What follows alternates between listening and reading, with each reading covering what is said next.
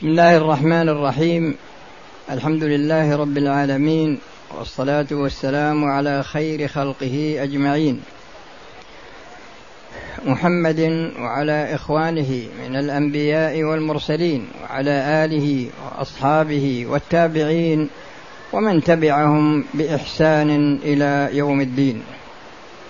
أما بعد فإن الكلام لا يزال متصلا على قوله جل وعلا إن هذا القرآن يهدي للتي هي أقوم ويبشر المؤمنين الذين يعملون الصالحات أن لهم أجرا كبيرا.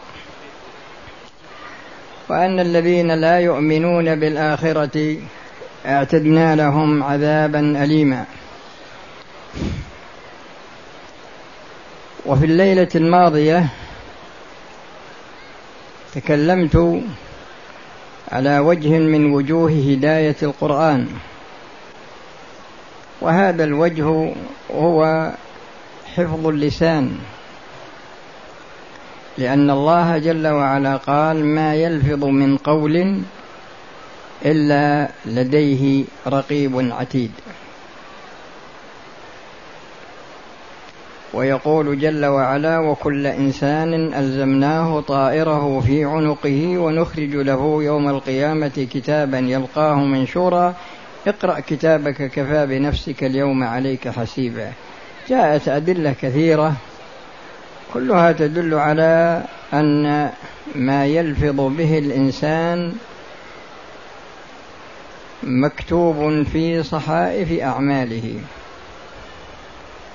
وذكرت لكم في بداية الكلام على هذا الوجه أن الكلام خاص بالأمور التي منع الإنسان أن يشغل لسانه بها. وذكرت لكم ثلاثة أمور منها. وفي هذه الليلة أتكلم على جملة أخرى من الأمور. من هذه الأمور إشغال اللسان بالمراء.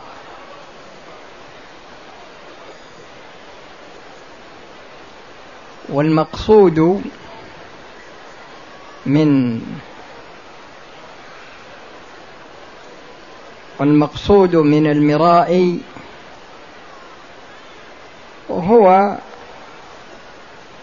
أن يكون هناك شخصان. أحدهما يتكلم.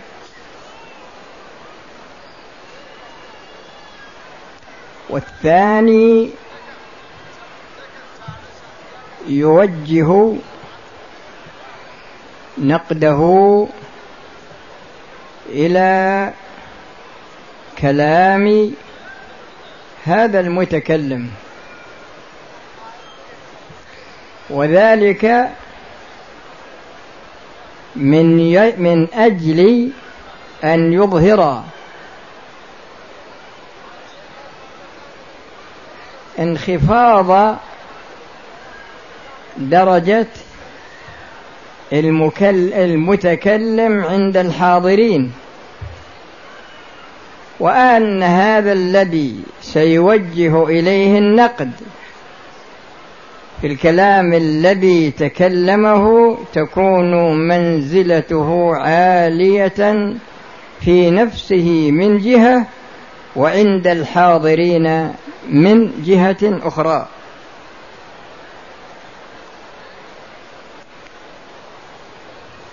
وهذا النقد الذي يوجهه هذا المستمع للكلام قد يكون من جهة اللفظ وقد يكون من جهة المعنى. وهو في كلامه هذا.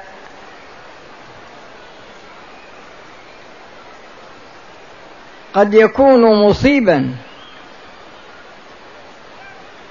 وقد يكون مخطئا.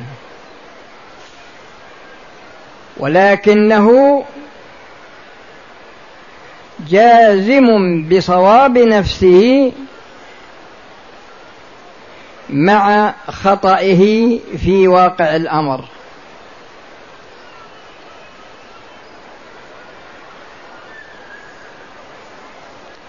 وذلك أن العلاقة بين ما فهمه هذا الذي يريد أن ينقد المتكلم وبين دلالة الكلام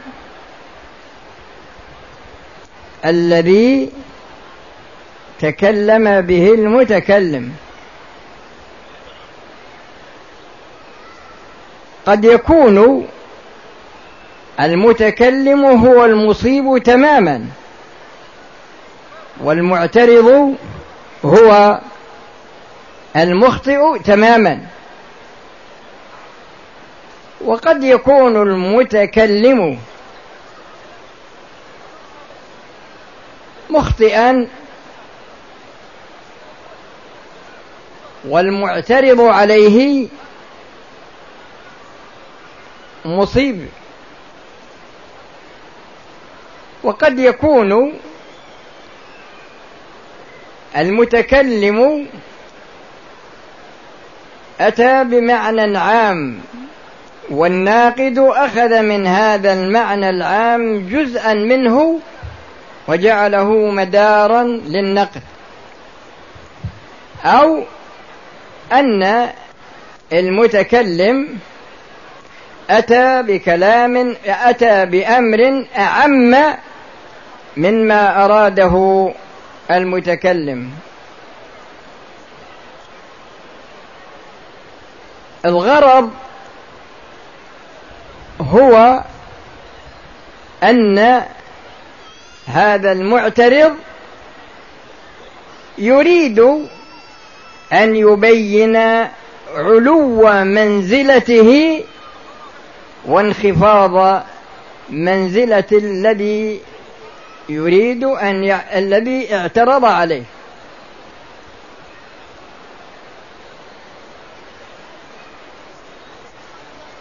ومن المعلوم أن المتكلم له حق في كلامه. وذلك حسب قصده. وبناء على ذلك فليس من الأدب الإسلامي أن يتصدى له شخص ويحاول أن يجعل ما تكلم به هذا الشخص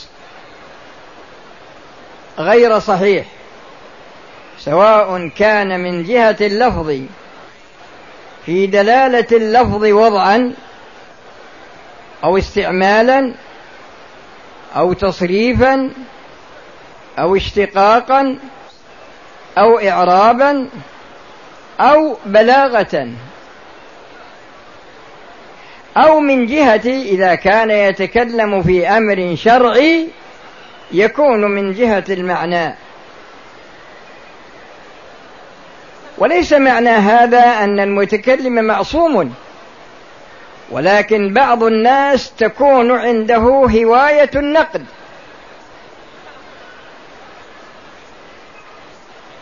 يضع نفسه موضع المعصوم ويضع غيره موضع المخطئ.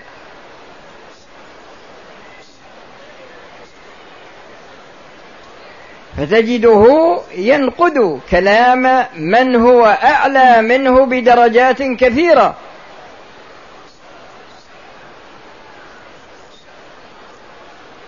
أو ينقد من هو مساويا له. وكثيرا ما يكون ذلك ناشئا عن الحسد. لأن فيه طبيعة عند كثير من الناس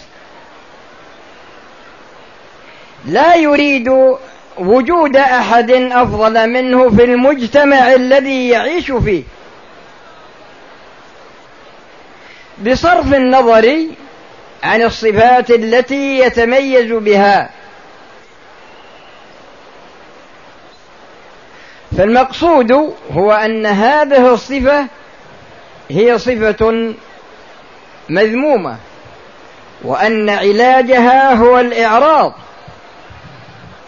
عن هذا الخلق وأنه لا يشغل لسانه بهذه الأمور لأنها تشغله.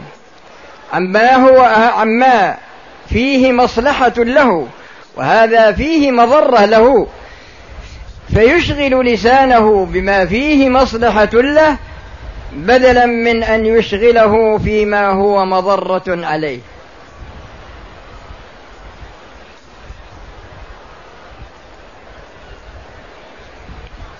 ومن الصفات أيضا الجدال. الجدال هذا تجد إنه منتشر في الناس. يحصل جدل بين الناس في الأمور العادية. ويحصل جدل في الأمور العلمية. ولكن الجدل في الأمور العادية هذا يكون في في أمور الناس في عاداتهم وما إلى ذلك. فأنت تجد الجدال في جميع المجالات في جميع مجالات الحياة. وعلى حسب كل مجال يكون فيه أشخاص تكون مهنتهم الجدال. أما بالنظر للجدال في الأمور العلمية فهذا يحتاج إلى أن المتجادلين يكونان على درجة واحدة من البنية التحتية العلمية التي تؤهلهما للدخول في المناقشة أو المجادلة في المسألة. لكن بعض بعض الجدال إذا سمعته في المحيط العلمي تنظر إلى شخص تجد مستواه العلمي متدنيا كثيرا ولكنه ينصب نفسه في درجة المجتهد المطلق. فيجادل ولا تكون المادة العلمية التي يصوغ منها الألفاظ ما تكون مادة علمية إنما تكون مادة فكرية بمعنى أن الأشياء التي يأتي بها من الألفاظ لا ترجع إلى أصل شرعي لا ترجع إلى أصل شرعي لكن يهمه أن يكون هو الغالب ولا يكون هو المغلوب.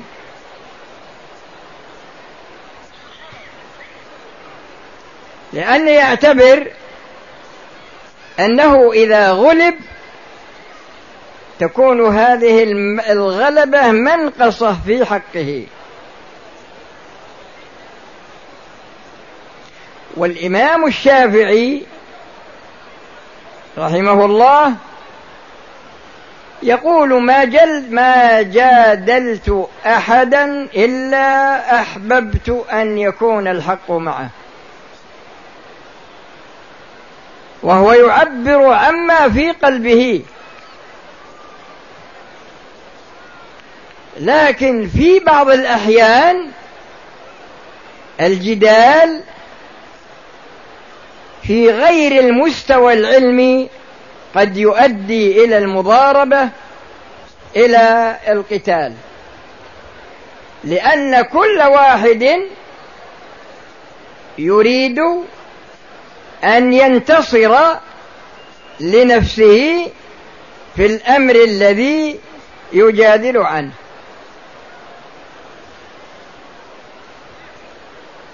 وبناء على ذلك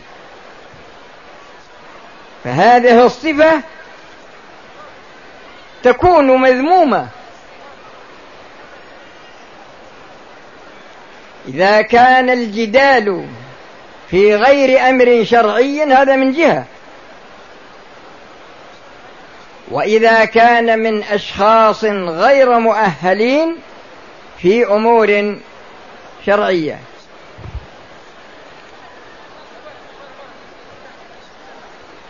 في شخص كتب في جريدة كتابة تدل على أنه جاهل جهل مركب. لأن الجاهل جهل مركب هو الذي لا يدري ولا يدري أنه لا يدري. هو الذي لا يدري ولا يدري أنه لا يدري. يقول بالنص لا يوجد في الكتاب ولا في السنة ولا يوجد إجماع. على ماذا؟ على وجوب الحجاب. مع أن دلالة القرآن ودلالة السنة وإجماع الصحابة وإجماع التابعين وأتباع التابعين يعني ثلاثة قرون مع دلالة القرآن ودلالة السنة دلالة قولية ودلالة عملية. وينشر في الصحيفة مثل هذا الشخص عندما تدخل معه في جدال في هذه المسألة. ما هي المادة العلمية التي تؤهله للدخول في جدل للوصول إلى الحق في هذه المسألة؟ وأمثال هذا الشخص في عصرنا الآن كثير وبخاصة في كثير من المسائل الشرعية.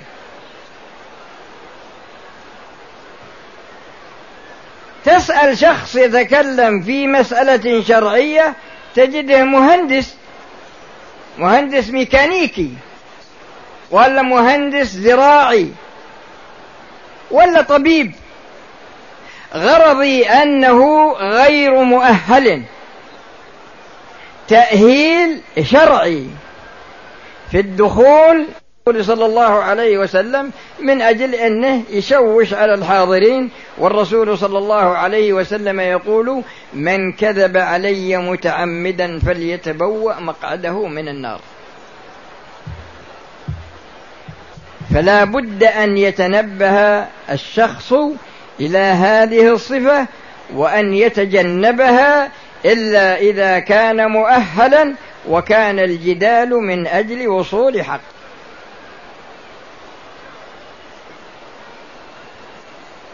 لأن الجدال جاء في القرآن وجادلهم بالتي هي أحسن ولا تجادلوا أهل الكتاب إلا بالتي هي أحسن. لكن نريد أشخاص إذا حصل بينهم مناقشات يكونون على مستوى علمي متساوي. سألني طالب قال أشكل علي ثلاث مسائل في الفقه. ولا عمره يمكن ثمانية عشر أو تسعة عشر. قلت طيب أنت التحصيل اللي عندك من العلم ما هو؟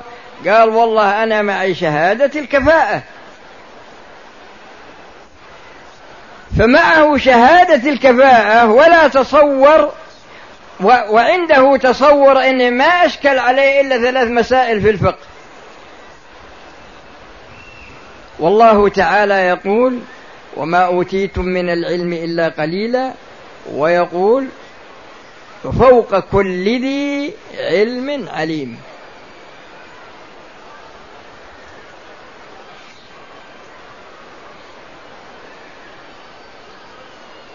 والإمام مالك في آخر حياته يقول وجدت وددت أنني ضربت سوطا عن كل مسألة أفتيتها يعني أفتيتها أو أفتيت بها ولا أفتيت بها. وددت أنني ضربت عن كل فتوى أفتيتها سوطا يعني سوطا يمنعه عن الفتيا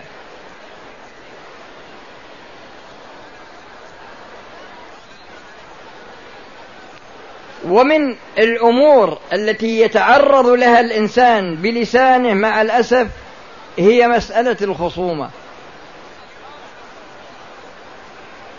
والمقصود بالخصومة هنا الخصومات في المحاكم.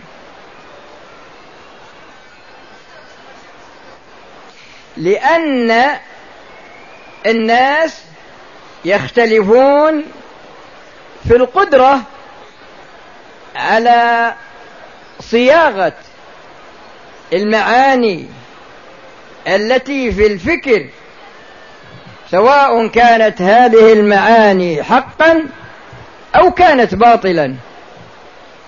يختلفون في صياغة الألفاظ لهذه المعاني. والناس في هذا صنفان. الصنف الأول من يسبق عقله لسانه. والثاني من يسبق لسانه عقله.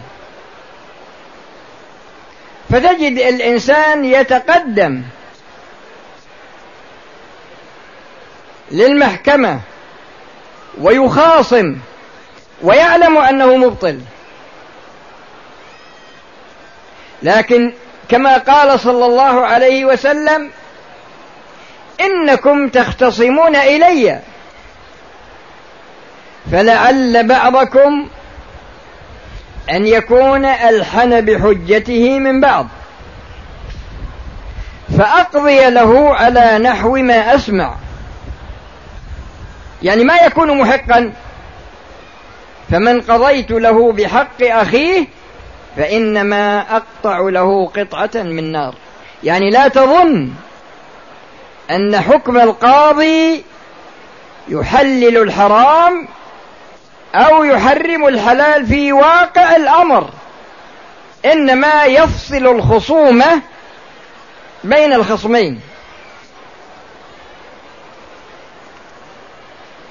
جاء يهودي فسرق لباسا مميزا. جبة ممتازة كانت لعلي بن أبي طالب رضي الله عنه. فسرقها اليهودي. فوجدها علي معه فقال هذه جبتي؟ قال لا. اختصما إلى القاضي شريح.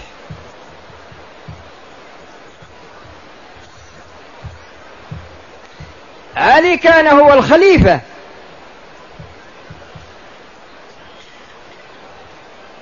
جلس اليهودي وجلس علي رضي الله عنه في مجلس القضاء على سبيل السواء. وشريح ما كان يخاطب عليا بأمير المؤمنين. ولكنه كان يخاطبه بكنيته. أبا الحسن. فلما جلس ادعى علي رضي الله عنه بدعوى هي الواقع. قال له هل لك بينة؟ قال لا. التفت إلى اليهودي أنكر أنكر اليهودي ما فيه بينة. قال له شريح قال لعلي رضي الله عنه لك يمينه. قال يحلف. فحلف اليهودي بأن هذه الجبة له لليهودي. حكم بينهما على أن الجبة لليهودي.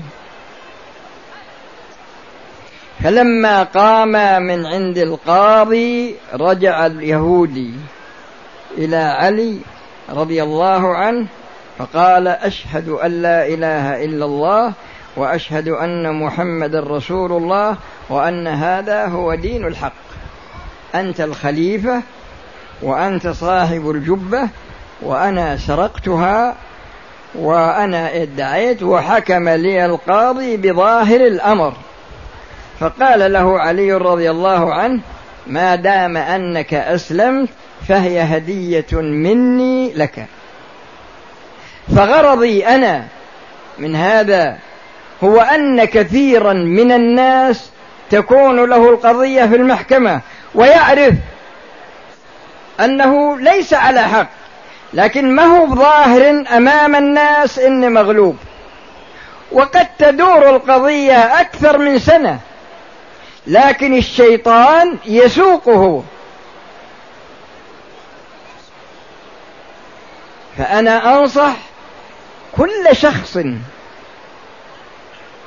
هو تطهير لسانه من هذه الخصومات التي ليست على حق. والشخص يعرف نفسه. يعرف أنه مبطل أو يعرف أنه محق. لكن إذا كان إنك تعرف إنك محق ما عندك شك. مثل علي رضي الله عنه. ما في مانع إنك تروح وتتكلم في حدود الواقع.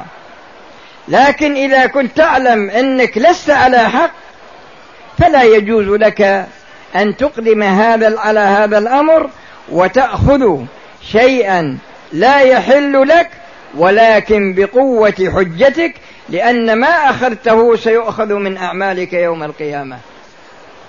لأنك ظالم ومن أخذت حقه مظلوم وسينتقم المظلوم من الظالم عند الله يوم القيامة يأخذ بقدر حقه. فهذه أمور يشغل الإنسان بها لسانه مع أنه لا يجوز له أن يشغل لسانه بها بل عليه أن يشغل لسانه بما يعود عليه بالنفع ومن ذلك ما يجري على لسان كثير من السفهاء من اللعن. وقد يكون بين الزوج وزوجته. وقد سألني شخص قال إن زوجتي تلعنني وتلعن والدي. يعني غرضي أنا يهمني أنه يجري هذا اللفظ اللعن يجري على ألسنة كثير من الناس. ومن المعلوم أن اللعن هو الطرد والإبعاد عن رحمة الله. فأنت عندما تلعن شخصا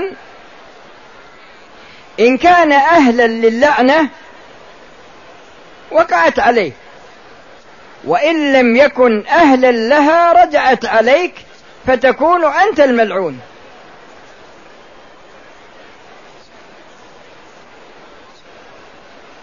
وكثير من الناس تجري على لسانه في اليوم عشر مرات عشرين مرة كثير. وبخاصة الناس اللي عندهم هبوط في المستوى من ناحية الأعمال. أو يكون طبعه بذيء. لأن فيه نوع من الناس لا يرتاح إلا إذا آذى. إما أن يؤذي بلسانه وإما أن يؤذي بأفعاله.